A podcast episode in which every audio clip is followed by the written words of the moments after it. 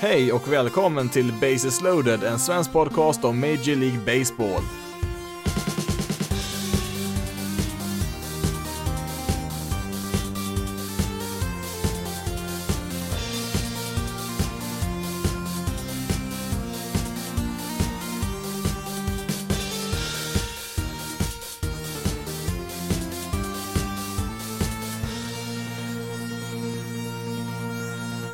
Och välkommen till Bases loaded, en svensk podcast om Major League Baseball. Och eh, nu har det faktiskt varit två veckor sedan förra avsnittet. Eh, var lite upptagen här under påskhelgen som var, så att det blev tyvärr inget avsnitt eh, förra måndagen där. Men samtidigt så har det väl inte hänt speciellt mycket sen senast ändå. Ehm, jag tänkte att det var väl ingen större idé att göra en sån här mitt i veckan avsnitt där onsdag och torsdag, utan tänkte att det är lika bra att ta de få sakerna som faktiskt har hänt i detta avsnitt istället då. Och ehm, Eh, ja, eh, läget runt omkring i världen är väl i stort sett detsamma som det har varit den senaste tiden, här, senaste månaden i alla fall. Eh, alla MLB-spelarna då, om vi går över till ja, själva MLB-världen så sitter väl de flesta i karantän där borta i Amerika. Eh, de har ju lite hårdare regler där, i alla fall på vissa ställen än vad, de har, vad vi har här i Sverige. Här är det lite friare så kan man ju vara ute och röra på sig lite mer så att det eh, kan bli lite intressant att se hur bra form alla spelarna kommer vara i rent fysiskt när de släpper på restriktionerna där borta i USA som gör att de kanske kan börja träna tillsammans igen så att eh, Får väl se vilka som har varit kreativa i hemmet där och hittat på någon träning så, ja, nu är det väl säkert så att de lite rikare spelarna där Eh, har väl säkert egna träningsanläggningar, kanske privata gym och sånt i hemmen och ja, det kan väl säkert vara så att eh, många, om de inte har det så har de väl kanske ganska stora hus och marker runt omkring de kan röra sig på i alla fall så att eh, eh, de klarar sig väl nog rätt hyfsat från den synvinkeln i alla fall. Så det blir väl lite värre för de här lite yngre spelarna som precis har börjat på att spela i MLB som har ja, på sina rookie-kontrakt och ja, främst minor League-spelarna får det ju ganska tufft kanske att hålla igång med sin träning och ja, Eh, de får väl improvisera lite grann där, kanske, eh, ja, saknar man någon skivstång och hantlar så får man väl kanske istället leta upp något eh, gammalt lexikon eller någonting där, pumpa med där eller sådär så att eh, Annars så kan man ju göra som Cardinals Paul Goldschmidt. Han har ju tydligen något VR-headset som han står och tränar med där hemma. Han står inte och svingar och så, utan han står bara och tittar på när pitchers, ja, när olika typer av kast de gör det för att hålla minnet fräscht där. Så att det är inte bara musklerna som man behöver träna i sådana här tider. Så att, Eh, ja, det finns lite olika lösningar på att, eh, ja, vad man kan göra i sådana här situationer också såklart. Men eh, ja, om vi då går tillbaka till ehm, eh, detta avsnitt då så mm, ja, kan väl sammanfatta lite kort de senaste två veckorna. Det har inte hänt så jättemycket som sagt, men det finns väl ett par saker att nämna. Kanske främst då den så kallade Arizona-planen. Att eh, få igång spelet i MLB är ju såklart en av de, eller ja, det är ju den största prioriteten just nu för ligan, eh, så är det ju absolut, eh, men samtidigt så måste man ju såklart ta hänsyn till hur samhället ser ut just nu, alltså kampen mot coronaviruset går ju före allt och då får ju baseball faktiskt stå lite åt sidan för tillfället i alla fall. Men jag kan väl gissa på att de som jobbar för MLB just nu har väl bollat runt nästan varenda idé man kan tänka sig här i olika scenarion. Eh, det vill säga att man har så jättemycket annat att syssla med just nu så att eh, det gör väl inget om man vrider och vänder på ja, precis allt här egentligen och eh, ja, den idén som har fått mycket publicitet på den senaste tiden är ju då Arizona-planen som, ja, det är väl egentligen mer än en plan, det är kanske en och en halv plan för att ett scenario inkluderar ju även Florida, alltså Arizona och Florida är ju då två delstater i USA. Eh, kort och gott så går idén ut på att eh, samla alla lagen på ett ställe i Arizona då först och främst eh, kring Phoenix-området där, för där finns en stor mängd baseballplaner då med MLB-mått som skulle kunna användas. Eh, eh hälften av alla lags spring training-arenor ligger ju där och eh, ja, som sagt i stort sett alla ligger ju inom ja, minst en timmes eh, resa från varandra, eller ja, som mest en timmes resa från varandra. Oftast är det ju Eh, betydligt kortare resa än så, så att det är ju väldigt smidigt ur den synvinkeln att ha så många planer nära varandra och sen finns det även en eh, ja, en del eh, collegearenor också där i området så att eh, det finns ju väldigt mycket eh, okej okay baseballplaner att spela på där i Phoenix-området. Eh, läktare är inte så relevant just nu för man kommer inte kunna spela med, med publik ändå så att det, det är mest eh, hyfsade spelplaner man behöver för att kunna genomföra en säsong då på ett och samma ställe. Eh, det är då i tanken att man skulle isolera alla lagen där på diverse hotell, alltså då ta alla spelare där och sätta dem på de här ja, hotellen som då står tomma just nu ändå där tillsammans med all övrig personal som krävs för att genomföra någon form av säsong. Eh, eh, tanken är ju då att ehm, alla där skulle kunna testas kanske en gång i veckan eller oftare då vid behov för att se till att ja, så få som möjligt och helst då ingen alls då infekteras av viruset. Ehm. Eh, det har ju också nämnts möjligheten att eh, man skulle kunna spela, att alla lagen spelar på sina respektive spring training arenor, vilket innebär att halva ligan då skulle få spela i Florida istället under liknande förutsättningar då, alltså man har eh, ja, nästan som två olika ligor och ja, nu har man ju National League och American League då, men i den här planen då med att fördela sig i Arizona och Florida baserat på sin spring training-anläggning, då kommer man ju få ta bort National League och American League i alla fall, då, alltså de här traditionella ligorna och divisionerna där i för att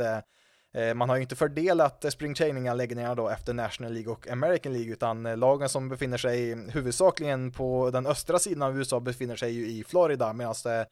lagen då i mer västerut befinner sig i regel mer i Arizona. Det är inte exakt så, men i stora drag är det i alla fall så. Och, det innebär ju till exempel då att Nationals då som spelar i National League vanligtvis, de delar ju faktiskt träningsanläggning då i Florida med Astro som spelar i American League och skulle man då genomföra en sån här plan då med två olika ställen att spela på då i Arizona och Florida, då kommer man inte kunna eh, flyga fram och tillbaka mellan de här platserna, utan man får ju då bara spela då mot eh, motståndare då i sitt respektive område och eh, det här innebär ju då att man då som sagt då får bryta ligorna och divisionerna och Nationals då och Astros då som jag nämnde här då, eftersom de har samma arena som de spelar på så kommer de troligtvis då Eh, om man gör en sån här lösning då, det är ju som sagt inget beslutat än, men skulle det bli så här då så skulle ju de två förmodligen hamna i samma division då tillfället då under 2020 så att ehm, eh, Ja, det här är ju bara förslag som sagt. Det är ingenting som eh, är nära så vad jag vet i alla fall, men eh, det är klart att de som sitter där i MLBs kontor, eller ja, de sitter väl kanske hemma numera där borta och funderar på det här, måste ju ändå ha olika planer för olika scenarier såklart. Och det här är väl ett utav dem i alla fall, men ja, det enda vi kan vara helt säkra på när det gäller säsongen 2020 är att den kommer nog att bli väldigt, väldigt annorlunda jämfört med en vanlig säsong. Detta är ju då grundidén för Arizona-planen då, att, eh, ja, så att man isolerar sig på ett eller kanske två ställen då och eh, spelar, ja, i en litet slutet samhälle skulle man väl kunna säga så, men eh, ja, alltså grundidén på ytan låter väl ganska vettig efter omständigheterna, men det finns ju trots allt en hel del hinder som i vissa fall också är enorma hinder som man måste ta sig förbi för att det här ska ens ska vara möjligt. Eh, eh, det mest radikala förslaget säger att man ska vara igång med det här redan i maj och eh, ja, nu är vi ju, ja, vi närmar oss ju slutet av april här och ja, maj är ju här snart så att det låter väl lite väl optimistiskt med tanke på all logistik som krävs för att få igång det här. Eh, på Fangraphs så gjorde man någon ungefärlig uträkning på hur många personer som eh, måste sättas i karantän där i Arizona då för att eh, det skulle fungera och jag tror de kom upp i någonstans i ja, ungefär 8000 individuella personer skulle man kanske behöva. Det beror lite grann på hur man räknar där. De hade väl räknat in lite familjemedlemmar och sånt där också, men det är en enorm mängd människor man måste isolera då för att det här ska kunna fungera och ja, då, där har man då på den här uträkningen då på Fangraphs hade man räknat in 1200 spelare där man, har ja, man behöver ju ha ganska många extra spelare per lag. I normalt sett så är det väl 750 spelare i MLB samtidigt, men eh, man vill prata på att kanske ha trupper som är upp mot 50 spelare som finns tillgängliga i alla fall då. Sen kanske inte alla kommer användas, men eh, det är dels för att eh, det säkert blir ett ganska tight spelschema och kanske en del double headers och sånt där som gör att man kanske behöver lite fler spelare än vanligt och sen måste det finnas Eh, Eh, reserver som är redo då för skador och eh, redan sitta isolerade där så att de kan hoppa in direkt där utan så man inte behöver sätta någon reserv där i två veckors karantän innan de kan komma in och eh, få en ersättare där. Sen kan det även bli så här att flera spelare faktiskt blir infekterade också, så kan det också bli så att då behöver man ju också kunna ha extra spelare tillgängliga ifall något sånt skulle hända. Utöver alla spelare så är det ju hotellarbetare, tv-personal, alla tränare, läkare och allt vad det nu krävs för att hålla igång MLB liksom. Eh, Cardinals till exempel nämnde de här i artikeln har inte mindre än 16 stycken anställda i sitt medicinska team, alltså läkare, sjukgymnaster och sånt där. Eh, eh, nu kan väl kanske lagen leva med att eh, trimma ner sin personal lite grann då i alla fall på plats där och kanske även då dela resurser då mellan lagen då och eh, kanske få ner personal lite grann på det sättet. Eh, men eh, det blir ju ändå enormt mycket folk som ska isoleras om det här ska fungera liksom och ja, enligt uträkningen skulle det även krävas eh, eh, åtta bussar per lag för att kunna transportera alla spelare och annan personal till matcher då med säkert avstånd inne i bussen. Så att eh, ja, som du hörde, ett enormt pussel att kunna få ihop ett eh, sånt här projekt. Bland de här 8000 beräknade personerna då, som sagt det är ju bara en uppskattning då, den exakta siffran vet nog ingen i nuläget om, men eh, det rör sig om tusentals personer, det, det är inget som helst tvekan om, men många av de där då, om man har räknat in just den siffran, eh, där ingår ju även då familjemedlemmar för att Eh, Eh, ja, främst spelare då har ju sagt i intervjuer angående den här planen att eh, de är tveksamma till, eller ja, till och med kanske sagt att de vägrar att separeras från sin eh, familj då i flera månader i sträck. under en vanlig säsong så försvinner ju spelare då och då på grund av familjeskäl, alltså det kan vara födsla barn, dödsfall eller någon sjukdom inom familjen och sånt där som gör att de lämnar kanske två, tre dagar och missar några matcher så, men Eh, ja, vi kan ta till exempel då Mike Trout. Han väntar ju faktiskt sitt första barn här nu i sommar och han lär väl inte vara så jättepigg på att missa det bara för att han sitter i karantän där någonstans. Och mm, Ja, om vi säger så här då att Trout eh, lämnar karantänen då för att eh, hans fru föder barn någonstans på något annat ställe. Mm, ja, då kommer det dröja kanske en två, tre veckor efter det innan han kan vara i spel igen trots att han är helt eh, frisk. Alltså, Eh, har man satt alla MLB-spelare och all personal i eh, ja, isolation då så att eh, ingen får komma in eller ut där, ja då måste man ju se till att de spelarna som faktiskt kommer tillbaka själva sitter i en helt egen isolation där då. Innan de kommer tillbaka så inte de har fått med sig viruset utifrån. Så att det är ju ett ganska stort problem att lösa det också för att eh, alltså Ja, så det, visst de är välavlönade, det är de absolut och man kan väl tycka att de kan väl bita ihop och sitta där själva Eh, under en längre period när de tjänar så pass bra, men eh, samtidigt eh, man kan ju inte bara rycka bort liksom folk från sin familj hur som helst. De är ju människor de här också och det sägs väl att om det här skulle bli en verklighet så att de tvingas isoleras utan sin familj så kommer en del spelare vägra att spela i år och Ja, sen är det ju också, det är inte bara spelarna som isoleras från sin familj potentiellt, det är ju alla personal runt omkring och det är inte bara inom lagen då, utan det är ju som sagt tv-personal, det är folk som sköter hotellen, busschaufförer och allt vad det nu kan vara och eh, det finns säkert en hel del som skulle kunna tänka sig att jobba under de omständigheterna, men det finns ju vissa arbetsuppgifter som väldigt få personer faktiskt klarar av. Det är inte så att någon eh, slumpmässig sommarjobbare så här skulle kunna hoppa in och eh, vara en hitting coach eller något sånt där, utan eh, Ehm, ja, det är väl nog som sagt eh, det största hindret just nu, familjesituationen. Det är ju en sak då kanske om man säger att ja, eh, första juni ska vi börja spela, säger de eh, under de här omständigheterna kanske och ja, säger då att en eller två spelare plus kanske en eller två ledare i varje lag säger nej, det här kommer inte jag gå med på, jag kommer inte att vara med och spela den här säsongen som det ser ut just nu. Ehm, ja, då kanske man skulle kunna klara sig ändå utan de där. Det är inte så jättemånga individer det rör sig om då, men är det hälften av spelare och ledarna som säger nej, det här kommer inte jag gå med på, nej, då, då blir det lite tuffare helt plötsligt eh, om man inte då vill spela med massa minor League-spelare då, men eh, ja, som sagt, jag tror det här nog är det enskilt största hindret just nu att eh, ja, med den här planen då är just eh, familjesituationen. En annan aspekt är ju sjukvården, alltså klarar den lokala sjukvården där i Phoenixområdet verkligen att hantera allt detta? Skador kommer ju såklart att ske eh, som det gör ja, annars också, men med alla lagen på samma ställe så kommer ju alla spelare tvingas att söka vård på några enstaka platser som säkert Eh, redan är ganska tungt belastade just nu med mycket viktigare saker och eh, det här innebär ju också att eh, det måste finnas en tillgång till en stor mängd testmaterial som helst också bör kunna ge svar ganska snabbt. Alltså man måste kunna testa allihopa väldigt snabbt och ofta för att man verkligen ser till att viruset inte får fäste i den här, inom den här isolationen då, inom, ja, vi ska kalla det MLB-världen då, eller MLB-samhället då, vad man nu ska kalla det för. Och eh, ja, återigen, det kanske finns viktigare personer att testa än annars eh, fullt friska elitidrottare just nu. Och, ja, okej, okay, hälften av dem har väl förmodligen en armbåge som är långt ifrån frisk, men eh, vad jag har hört så här långt så verkar det inte som att personer med överbelastade armbågar befinner sig i någon sorts riskgrupp i den här pågående pandemin. Till sist då, är, är det realistiskt att se en sån här plan genomföras i år då som en MLB-säsong 2020?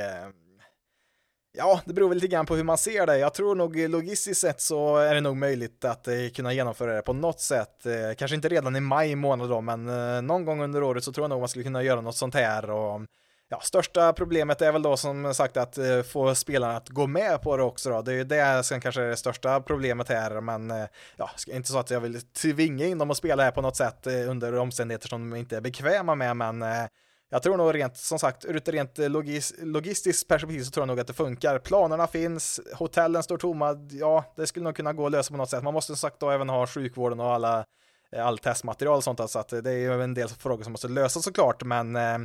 eh vi kan säga så här också att Anthony Fauci, en national supporter, eller ja, kanske mer relevant, chefen för National Institute of Allergy and Infectious Disease, Eh, Eh, det är väl han som är USAs svar på Anders Tegnell här i Sverige, alltså ansiktet utåt i bekämpningen av viruset i respektive land där och eh, ja, nu sitter väl eh, såklart de här, båda de här två olika grupperna med många olika experter och forskare som tar beslut där, men det blir ju så att man gärna vill ha ett ansikte för alla de här åtgärderna och ja, på det sättet så är väl Fauci och Tegnell lite grann i samma sits just nu och Fauci nämnde ju faktiskt Eh, förra veckan är att eh, något likt den här planen förmodligen skulle kunna fungera att, eh, ja, alltså att isolera spelare och annan personal på ett och samma ställe då. för att minska smittrisken och det verkar som att flera myndighetsfolk och läkare och sånt där där borta i USA sägs kunna ställa sig bakom en sån här plan, inte bara för baseball men även för andra sporter också. Man anser väl att eh, även om det finns vissa risker och problem med sådana här lösningar så finns det väl ett värde i att eh, få igång spel igen i olika sporter för att eh, det ger resten av, ja, främst den amerikanska befolkningen lite efterlängtad underhållning, alltså eh, för de som sitter isolerade hemma där i USA finns det väl kanske en gräns på hur mycket Netflix och annat man kan kolla på under dagarna så att lite livesport på tvn skulle nog vara välkommen. Till ganska många hem där så att det finns väl en viss ja, en viss eh, folkhälsovinst i det här också om man ska vara, mm, ja, det är såklart inte den absolut viktigaste aspekten just nu i världen, men eh, ja, det kan väl finnas kanske någon liten vinning i att eh, få igång viss sport i alla fall där om man då kan genomföra det på ett någorlunda säkert sätt.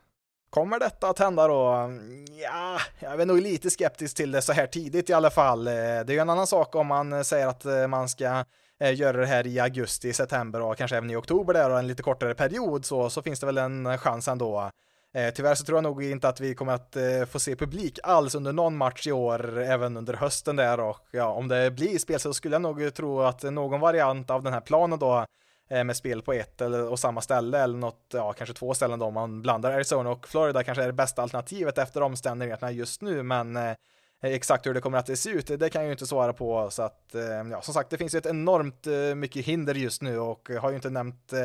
eh, väderfrågan än heller. Alltså under sommaren så kan det ju i värsta fall vara uppemot en 40 grader varmt där i Arizona, vilket blir väldigt svårt att spela matcher i. Får nog eh, spela ganska tidigt på morgonen och eh, sent på kvällen där för att det ska kunna fungera. Det finns ju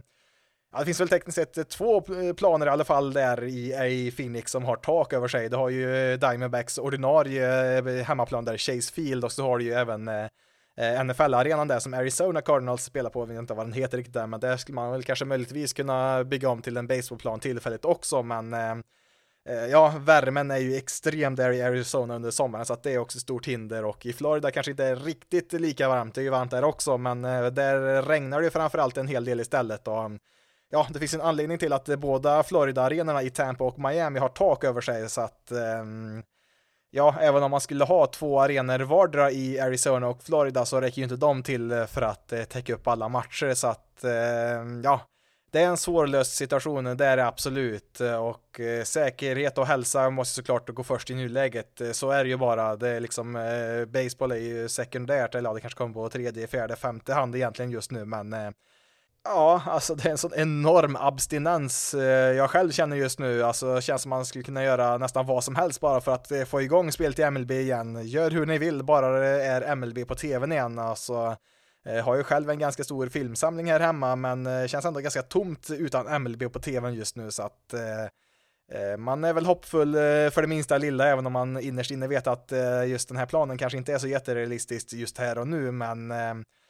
ja, det finns väl nog eh, hyggliga chanser till spel i år, det tror jag nog, eh, men eh, ja, vi kan väl säga så här att om man var tvungen att satsa pengar på om det blir spel eller inte spel i år så skulle jag nog sätta min 10 krona där på att det faktiskt blir någon form av spel under 2020. Sen vet jag inte exakt hur det kommer att se ut, men ehm, ja, samtidigt är risken för att det inte blir något spel i år, den är ju inte så liten den heller, så att det är ingenting man kan räkna bort helt och hållet, men jag väljer ändå att vara hoppfull ändå här, även om det ser ganska mörkt ut just nu.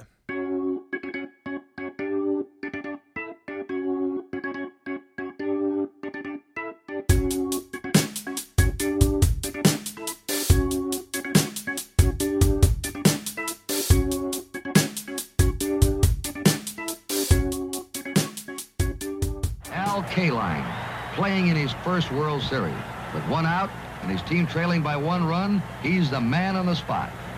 The count's one and one, and K-Line loops a hit into right center. In comes Lolich and McAuliffe with a tying and lead run. It's 4 to three Detroit. K-Line is having a great series. Tyvärr så är det ju många fler än vanligt som lämnar oss nu världen över och baseballvärlden är ju såklart inte skonad den heller. Eh, nu är det väl inte bara virusrelaterade dödsfall som ligger bakom allt som hänt den senaste tiden här, men vi har några riktigt tunga profiler som har lämnat oss här den senaste tiden. Eh, först har vi då en riktig legend som du hörde där från ljudklippet, Al Kaline, också känd som Mr Tiger. Han spelade från 1953 till 1974. Eh, han är ju inte då bara en av Detroit Tigers bästa spelare genom tiderna, utan han är nog, eh, ja, skulle nog kunna säga en av de bästa punkt slut i hela MLB.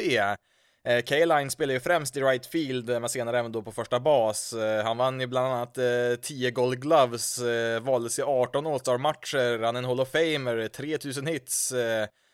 Ja, han har näst mest hits i hela Tigers historia bakom endast Ty Cobb och ja, det är faktiskt bara Cobb och K-Line som har kommit över 3000 hits för Tigers då. Eh, hans 399 homeruns är ju faktiskt än idag ett rekord för Tigers. Eh, den enda som kan hota det där rekordet eh, den närmaste tiden i alla fall, det är ju Miguel Cabrera. Han har ju 339 homeruns i Tigers-tröjan. Cabrera har ju för sig 477 homeruns totalt i karriären, men ett gäng av dem kom ju då när han spelade i Marlins. Ja, han behöver ju då en 60 homeruns till där för att nå upp till Kaelan, vilket inte är omöjligt, men det är ju långt ifrån någon garanti. Han har ju inte spelat eh, speciellt bra den senaste tiden här och ja visst, han kan väl säkert slå iväg lite homeruns, det kan han nog, men eh, ja, det kan nog bli på håret om han ska kunna komma ikapp eh, Kaelan där i Tigers-tröjan. Eh, och ja, om det inte blir Cabrera så får vi nog vänta ett bra tag till, för det finns faktiskt ingen spelare på Tigers roster just nu som ens har över 30 homeruns i karriären, så att eh, Ja, om det inte blir Cabrera så får vi nog vänta ett och annat årtionde innan Kalans rekord eh, ryker det här.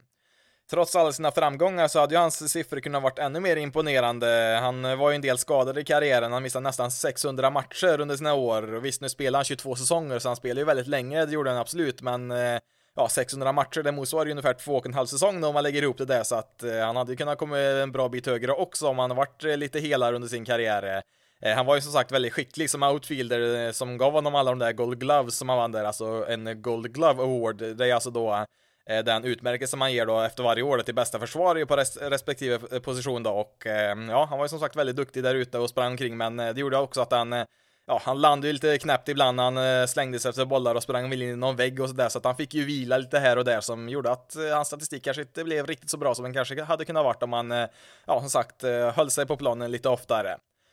Det fanns också en hel del hälsoproblem långt innan hans karriär ens började. Redan som åttaåring drabbades han av osteomyelit, en sorts infektion i benväv och benmärg som ja, faktiskt än idag är svår att behandla och eh, kan ju bara tänka sig hur svårt det var att behandla det då under andra världskriget när han drabbades av det här.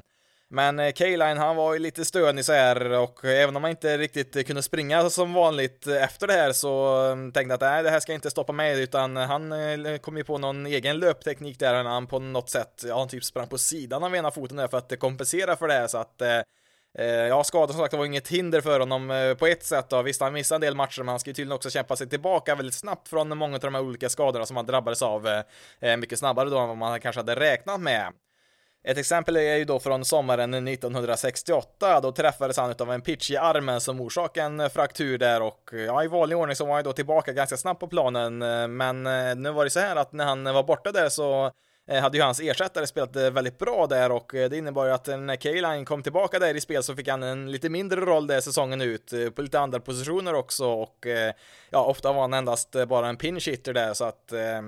Eh, men i vilket fall som helst, just det året så slutade ju faktiskt Tigers etta i American League och eh, så här var ju på den här tiden att eh, vann man sin liga, ja då var det direkt till en World Series just mot St. Louis Cardinals skulle man möta det året då, men Innan man kunde börja spela där så sa ju K-Line till sin manager där att han tyckte inte att han förtjänade att spela där för att det var ju de andra i laget som hade lyft fram dem där när han inte hade spelat så mycket. Och det här var väl lite chockerande ändå för alla som fick höra där, både bland spelare och tränare. Alltså vid den här tiden så var ju K-line en av de absolut största stjärnorna i MLB. Visst, eh, han kanske inte riktigt var uppe på samma nivå som eh, Willie Mays, eh, Hank Aaron och Mickey Mantle där, de absolut största namnen där vid den här tiden som spelare. Men ja, K-line var väl, ja, säg att han kanske var snäppet under de där absolut största då, men Eh, Eh, en stor stjärna, absolut, det var han eh, vid den här tiden och eh, det fanns inte på kartan för Tigers del att inte spela honom i säsongens viktigaste matcher. Man fick helt enkelt justera sin lineup lite grann där för att få in honom i right field där igen och det skulle visa sig vara ett väldigt bra beslut. 1968 är ju annars, ja, det är väl slutet på en epok skulle man kunna säga. Det var väldigt mycket som hände efter den här säsongen. Eh, just den säsongen var ju känd som year of the pitcher, alltså pitching runt omkring i ligan var ju så dominant vid den här tiden och efter 1968 skulle man ju ändra lite regler för att hjälpa slagmännen lite. Eh, inte allra minst då var ju just motståndarnas Bob Gibson nästan omöjlig där i deras starting pitcher, alltså i Cardinals. Eh, han hade en ERA på 1,12 under 1968 och då kastade han ändå en 300 innings det året också. Eh, han kastade faktiskt aldrig färre än sju innings i någon match där under det året och ja, utav hans 34 matcher som han startade så slutförde han 26 stycken utav dem utan att bli utbytt så att eh, ja, Bob Gibson 1968, det är i princip så dominant en pitcher någonsin har varit under ett år. 1968, en klassisk säsong som sagt eh, och även en klassisk World Series. Eh, det här var ju också då faktiskt sista gången som man eh, gjorde så här att vinnarna i respektive ligor gick direkt till en World Series. Från och med 1969 så utökar man ju ligan med fler lag för första gången på jag vet inte hur många årtionden där och då utökar man ju slutspelet lite grann också så att det här var ju som sagt slutet på en era just det här året och ja, det var en klassisk World Series där också då som sagt även för det som hände i själva serien. Eh, det var ju så att Cardinals, de gick ju upp till en eh, 3-1-ledning i matcher där innan K-Lines Tigers stormade tillbaka där och tvingade fram en sjunde avgörande match som skulle spelas i St. Louis och eh, Ja, det var ju tuffast möjliga motstånd som väntade där för Tigers för att det var ju just självaste Bob Gibson som startade för Cardinals redan matchen. McComber pops up. Here's three in. Detroit's the new world champion. And look at Friend picking up Lolich. and there is a scene that has been repeated many times in World Series history. It's a happy bunch of Tigers. They have beaten the Cardinals 4 to 1, and they have replaced them as the champions of baseball. Trots att Bob Gibson eh, kastade alla nio innings för Cardinals så var det ändå Tiger som vann den där sjunde avgörande matchen med 4-1 till slut och eh, blev World Series-mästare för tredje gången då i lagets historia vid den tiden. De har ju vunnit en gång till där på 80-talet sen också. Eh, K-Line då, som på förhand då som sagt var tveksam till om han tyckte att han verkligen förtjänade att spela i den här serien. Ja, han var faktiskt en av de mest tongivande spelarna i Tigers under de här sju matcherna, så att Ja, visst, han kanske inte hade sin bästa säsong i karriären 1968, men eh, han var ju som sagt då en av de mest tongivande spelarna i Tigers då som vann titeln till slut. Efter att eh, karriären var över så jobbade han bland annat som kommentator i över 25 år och eh, lite senare då, främst under 2000-talet här, så har han funnits med och tagit en aktiv del i Tigers som organisation. Eh, många sådana här gamla legendarer brukar ju få någon sån här symbolisk titel, alltså att de blir någon form av rådgivare, så här brukar det väl heta, och att ja, kanske dyker upp där i lagets clubhouse ett par gånger per år och säger hej och skakar lite händer och sådär, men eh, eh K-Line, han verkar ju ha tagit eh, sin roll betydligt mer seriöst och har ju hjälpt många Tiger-spelare som, ja, bland annat har han ju varit med som spring training-instruktör och Eh, Eh, det sägs att han hjälpte en ung Kirk Gibson en gång i tiden en hel del med hans spel som outfielder och eh, bland nutida spelare så har ju även Justin Verlander från sin tid i Detroit hyllat eh, hans bidrag vid sidan av planen. Så ja, LK Line blev då alltså 85 år gammal innan han då avled här för ett par veckor sedan. En riktig legend i MLB-historien. Go tie leads off. Win swings and drives deep into left field. Look at this one go everybody! Up to the scoreboard. It's over the scoreboard, bouncing up onto the freeway. I can see it up there where those automobiles are going. Look at that drive. You talk about a tape measure shot. That has got to be the longest home run I have ever seen hit in Crosley Field, or hit out of it. No question about it. Look at Jimmy Wynn. Jimmy Wynn, en annan före detta spelare, gick också tyvärr bort här ganska nyligen, 78 år gammal och eh, där hörde du honom 1967 när han slog iväg en enorm homerun och ja, oftast när man får höra om sådana här spelare från en bit bak i historien, när de har slagit en sån här enorm homerun så brukar det vara ganska stora överdrifter om hur långt den här bollen faktiskt flög egentligen, men eh i det här fallet så var han faktiskt filmad och eh, det finns på YouTube att kolla faktiskt. Eh, man kan ju faktiskt se att han eh, lyfter den här bollen då högt över den här poängtavlan i Cincinnati då som de hade på deras arena där i Centerfield. Crossley Field hette ju arenan då på den tiden och mm, Ja, den här bollen flyger ju långt ur arenan och visst, eh, det går ju fortfarande än idag att sluta bollarna ur vissa arenor i alla fall, men inte riktigt på det här sättet, för man kan ju se den här bollen efteråt studsa iväg där rätt ut på en motorväg där bak när man ser bilar susa förbi ganska hög hastighet där, så att eh,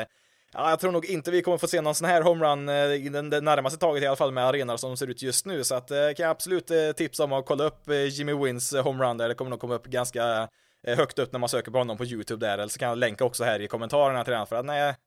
Ja, som sagt, det är någonting man inte ser så ofta nu för tiden i alla fall. Då. Kanske inom Mining League-arena eh, då kanske man kan se det någonstans, men i MLB så är det nog mycket till för att man ska få ut någon boll på motorvägen nu för tiden i alla fall. Likt LK Line så var ju Jimmy Wynn främst en outfielder och ja, deras karriärer överlappar varandra till viss del här på 60 och 70-talet. Eh, nu var ju K-Line lite äldre där så han började lite tidigare och slutade lite eh, före Wynn där, men de spelade ju i alla fall under samma tidsperiod kan man ju säga och ja, nu var det så här att The Win spelade ju mest i Astros under sin karriär och han var ju i stort sett bara i National League under sin karriär samtidigt som K-Line, han spelade ju bara för Tigers då i, i American League där och på den här tiden så fanns det ju inget Interleague Play, alltså enda gången lag från National League och American League mötte varandra under säsong, eh, det var ju när eh, man spelade en World Series, så att eh, K-Line och Win har väl nog aldrig stött på varandra som motståndare i alla fall. Ja, kanske i någon All-Star-match då kanske de mötte varandra, men inte i tävlingssammanhang ändå.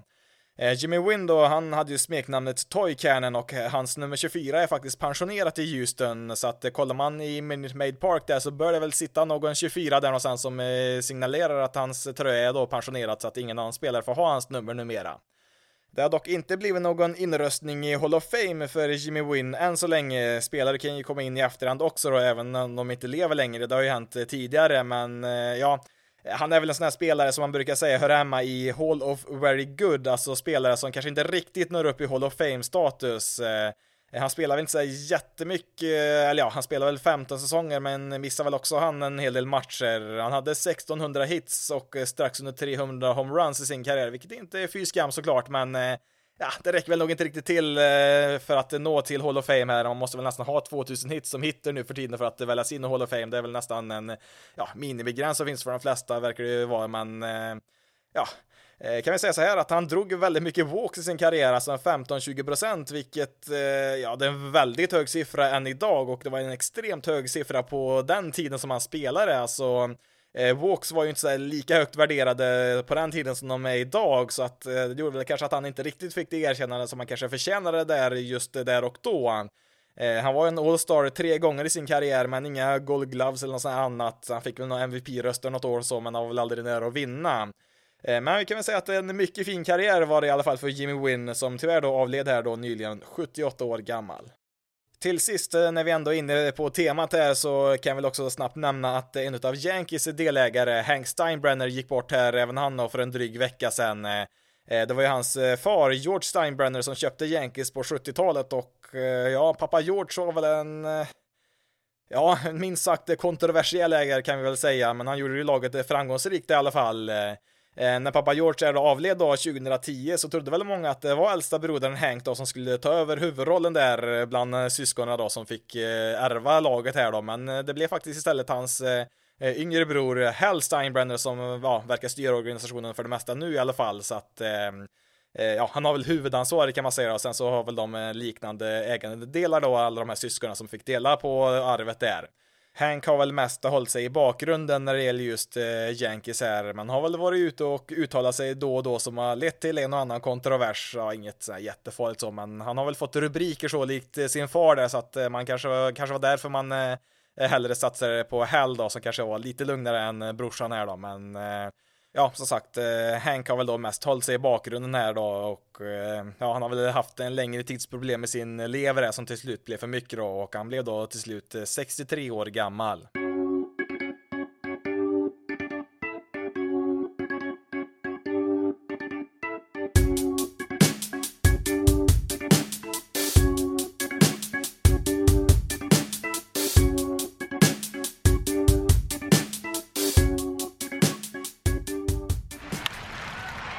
Side, off the glove. Here comes another run, and another run. 18 to 4. Mark Reynolds has 10 RBIs, assuming they score that a base hit. That's a base hit in my book. It is officially a base hit and tying a Nationals record. 10 runs batted in for Reynolds tonight. Wow. I övriga spelarnyheter har vi ett eh, par pensioneringar här och eh, ja, under vanliga omständigheter så hade det här nog kanske inte kommit med i podden här, men nu finns det så jättemycket annat att prata om ändå, så att jag tänkte vi kan väl eh, nämna lite snabbt här Mark Reynolds som har meddelat här nyss att eh, det var färdigspelat för honom här nu och när jag letade efter lite höjdpunkter från hans karriär så kom jag fram till en match 2018 här när han gick 5 för 5 med ett par homeruns som du hörde där i ljudklippet. Eh, Eh, tänkte väl här att eh, ja, gå 5 för 5, det är ju kanske inte så jättevanligt eh, tänkte jag väl här, men när jag satt och lekte med Baseball Reference Play Index där man kan hitta i stort sett allt när det gäller statistik och sånt här så märkte jag ganska snabbt att ja, det var kanske så ovanligt ändå att någon spelare går 5 för 5, alltså det hände 8 gånger bara 2019 och faktiskt inte mindre än 17 gånger 2018 då, samma år som han gjorde det, men då tänkte jag att eh, han slog ju ett par homeruns också i den här matchen, så att jag tänkte att vi kan väl begränsa sökningen då till spelare som har gått 5 för 5 med minst två homeruns i samma match och eh, det kan väl inte vara så himla vanligt eh, tyckte jag väl, men Ja, det beror väl på vad man anser är vanligt. 114 gånger har det hänt i MLB-historien, eller då drygt en gång per år då i snitt sedan första noteringen 1912.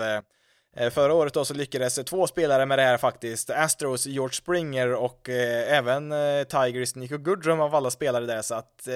ja, har väl ingen sån här jättebra liten kuriosa om Mark Reynolds karriär direkt så, och eh, ja, har du någonting så får du väl gärna tipsa mig om något eh, i så fall, för det är väl inte en spelare jag följt så här jättenoga under hans karriär. Eh, ja, jo, jag har väl i och för sig en sak här, men vill väl i första hand eh, ta mer positiva saker vid de här tillfällena, men eh, kan väl nämna att hans 1927 strikeouts i sin karriär var faktiskt eh,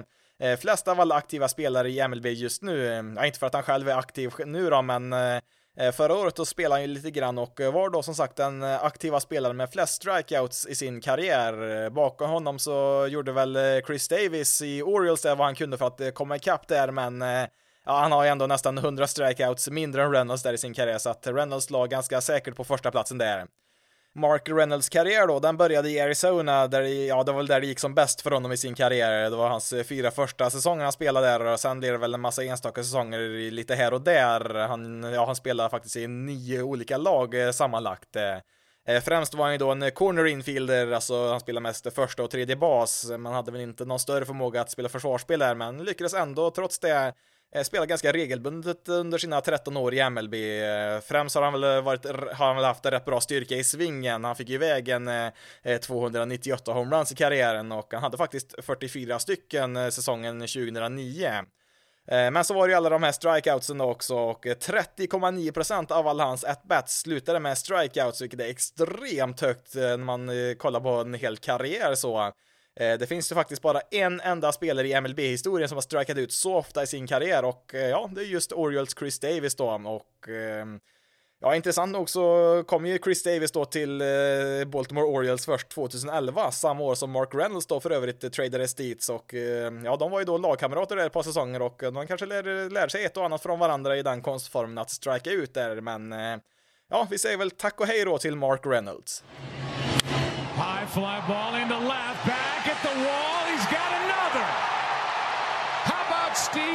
Pierce? Second of the game. Third in the last two games. It's 5 to 1 Boston here in the eighth.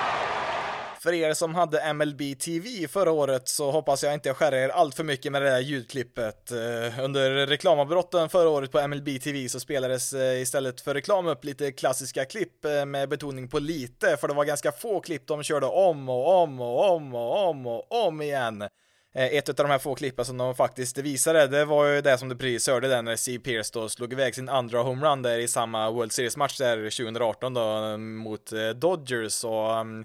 Ja, när det gäller Steve Pearce då så mm, är det väl också just hans insatser under 2018s World Series som var höjdpunkten på hans karriär.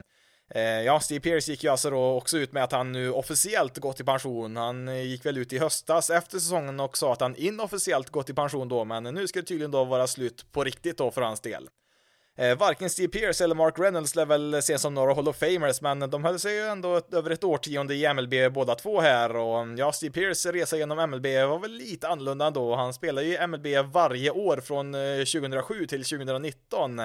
Men eh, trots det så lyckades han faktiskt eh, bara att spela i över 100 matcher under en enda utav de där säsongerna 2014. Alltså han skickades väl ner till AAA ibland där också, så han spelade väl eh, fler matcher än så under vissa år där. Men i MLB så hade han då bara 2014 där som han faktiskt spelade i över 100 matcher. Ja, 102 för att vara exakt då och eh, det var ju hans eh, absolut bästa säsong i karriären då rent prestationsmässigt. Eh, han spelade ju i Baltimore Orioles på den tiden då och eh, ja, jag tänkte väl på tal om vilka lag han har spelat i så tänkte jag också att jag skulle läsa rakt av på hans transaktionssida här på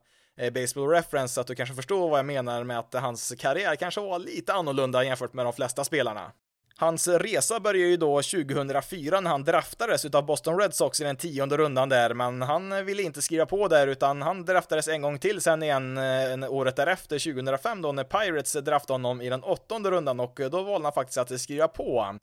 Eh, här då var det ganska stabilt från 2005 till 2011, så han var ju kvar i Pirates under den tiden där innan då blev free agent. Men här då, då började den riktiga karusellen.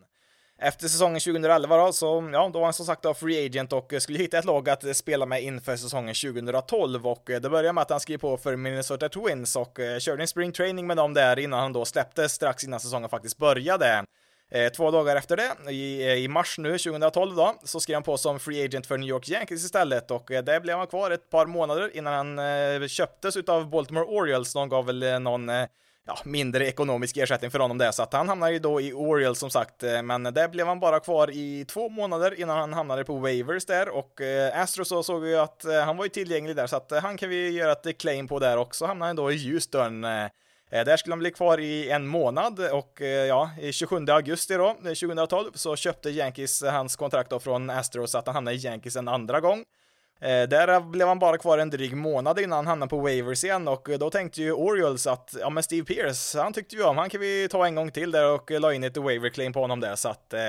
för att eh, sammanfatta Steve Pierce säsong 2012 så inledde han säsongen i Minnesota Twins, sen så hamnade han i Yankees, sen till Orioles, sen till Astros, sen tillbaka till Yankees och sen tillbaka till Orioles. Alltså han var i Yankees och Orioles i två separata omgångar där under en och samma år, så att eh, ja, det svängde lite fram och tillbaka där för honom där. Som tur var så var han väl någorlunda, ja, på den östra sidan av landet i alla fall. Ja, Astros är väl lite mer i mitten där, men eh, ja, det var nog inte så lätt att hålla reda på hans eh, klubbadress där under 2012 där, men eh, 2013 så var han faktiskt kvar hela året i eh, Baltimore där, så att han fick lite lugn och ro där i alla fall, men 2014 då så skulle det hända något lite skumt här för att den 27 april det året då släpps han från Orioles, alltså han blir free agent. Två dagar senare då, alltså den 29 april, då skriver han på då ett kontrakt med Baltimore Orioles, alltså samma lag som släppte honom för två dagar sedan, så jag vet inte riktigt vad som hände där, men Ja, han blir i alla fall free agent igen då till, eh, ja, inför säsongen eh, 2016 och då skriver han på ett kontrakt med Tampa Bay Rays och mm, Ja, han skriver ju på ett ettårskontrakt med dem där och eftersom att de inte har något med slutspelet att göra där eh, på sommaren där så tradar de honom den första augusti och vilket lag är det då som så jättegärna vill ha Steve Pierce i sitt lag? Ja, det är såklart Baltimore Orioles som tradar för honom. Det här är alltså då fjärde gången han hamnar i Baltimore då i sin eh, karriär här då, men eh, det här är faktiskt sista gången då, förutsatt att han inte kommer tillbaka från sin pensionering här nu då, men det här är då sista gången som Orioles dyker upp här, för han blir ju då free agent då efter den här säsongen. Eh, då skriver han ju då på för Toronto Blue Jays för två säsonger, eh, 2017 och 2018 här då, men eh, ja, när sommaren 2018 kommer det så tradar ju Blue Jays honom där till Boston Red Sox då och i och med att han hamnar i Red Sox så har han ju då spelat i samtliga American League East-lag då. Sen så blir han ju faktiskt då free agent igen här då efter att han var med och vann en World Series där med Red Sox då mm, 2018, men han var ju en av de stora hjältarna där så att han får ju ett ettårskontrakt eh, för att komma tillbaka till Red Sox här under förra året då, 2019, men eh, eh, det blev ju inte så många matcher då förra året. Han var ju mest skadad där så att det var väl ingen rolig sista säsong så för Steve Pearce där i Red Sox, men ehm, ja, som sagt, en lite annorlunda karriär har det ju varit för Steve Pearce får ju ändå säga. Vi kanske då främst eh, kommer att komma ihåg Pierce eh, som World Series MVP då för Red Sox i 2018 där när de vann. Eh, för ja, ärligt talat så gjorde han väl inte så jättemånga fler avtryck än så i sin karriär. Ja, det var väl i och för sig den där säsongen då, 2014, han var riktigt bra där. Han hade ju faktiskt 4,5 wins above replacement, alltså war på endast 102 matcher. Slår man ut det på en hel säsong då, alltså på 162 matcher, så är det faktiskt 7,1 war och då pratar vi om en MVP-kandidat om det skulle varit så. Eh, faktiskt bara Mike Trout som hade en högre eh, notering i War 2014 då i American League där, så att han hade nog hamnat ganska högt upp i en MVP-omröstning om han hade spelat lika bra under en hel säsong, men eh, ja, det blev ju som sagt en lite oväntad resa ändå som till slut då skulle leda till en World Series-titel för Steve Pierce och eh, ja, vi får väl ändå, ja, även här säga tack och hej då till Steve Pierce. Ja, då får det räcka där för detta avsnitt. Eh, ber om ursäkt att det inte blev något avsnitt förra veckan där, men jag tyckte inte att eh, nej, det var, det var lika bra att vänta till den här måndagen istället för att eh, få lite mer kött på benen i det här avsnittet. För att eh, som sagt, det händer ju inte speciellt mycket just nu i MLB, men eh, skulle göra vad jag kan för att få ihop någonting till nästa måndag då, så att inte behöver gå två veckor igen då innan nästa avsnitt. Eh, får vi se vad vi hittar på i det avsnittet. Kan vi säkert hitta någon Sabermetrics och kanske någon historia där också att eh, dra det så att eh, Ja, någonting ska jag försöka knåpa ihop till nästa måndag där, men eh, ja, vi nöjer oss där tror jag. Du kan följa Basis Loaded på Twitter, Facebook och Instagram. Då letar du upp basisloaded.se på de ställena. Du kan även mejla till basisloaded.se gmail.com. Om du har tid, lust och möjlighet att eh, betygsätta och skriva omdöme om den här podcasten eh, där du lyssnar på podcast så skulle jag uppskatta det väldigt mycket för att eh, det hjälper andra att hitta den här podcasten. Men eh, nu har jag pratat tillräckligt för idag. Mitt namn är Jonathan Fabri. Tack så jättemycket för att du har lyssnat på detta avsnitt av Basis loaded. Ni får ha det så bra där ute så hörs vi i nästa avsnitt.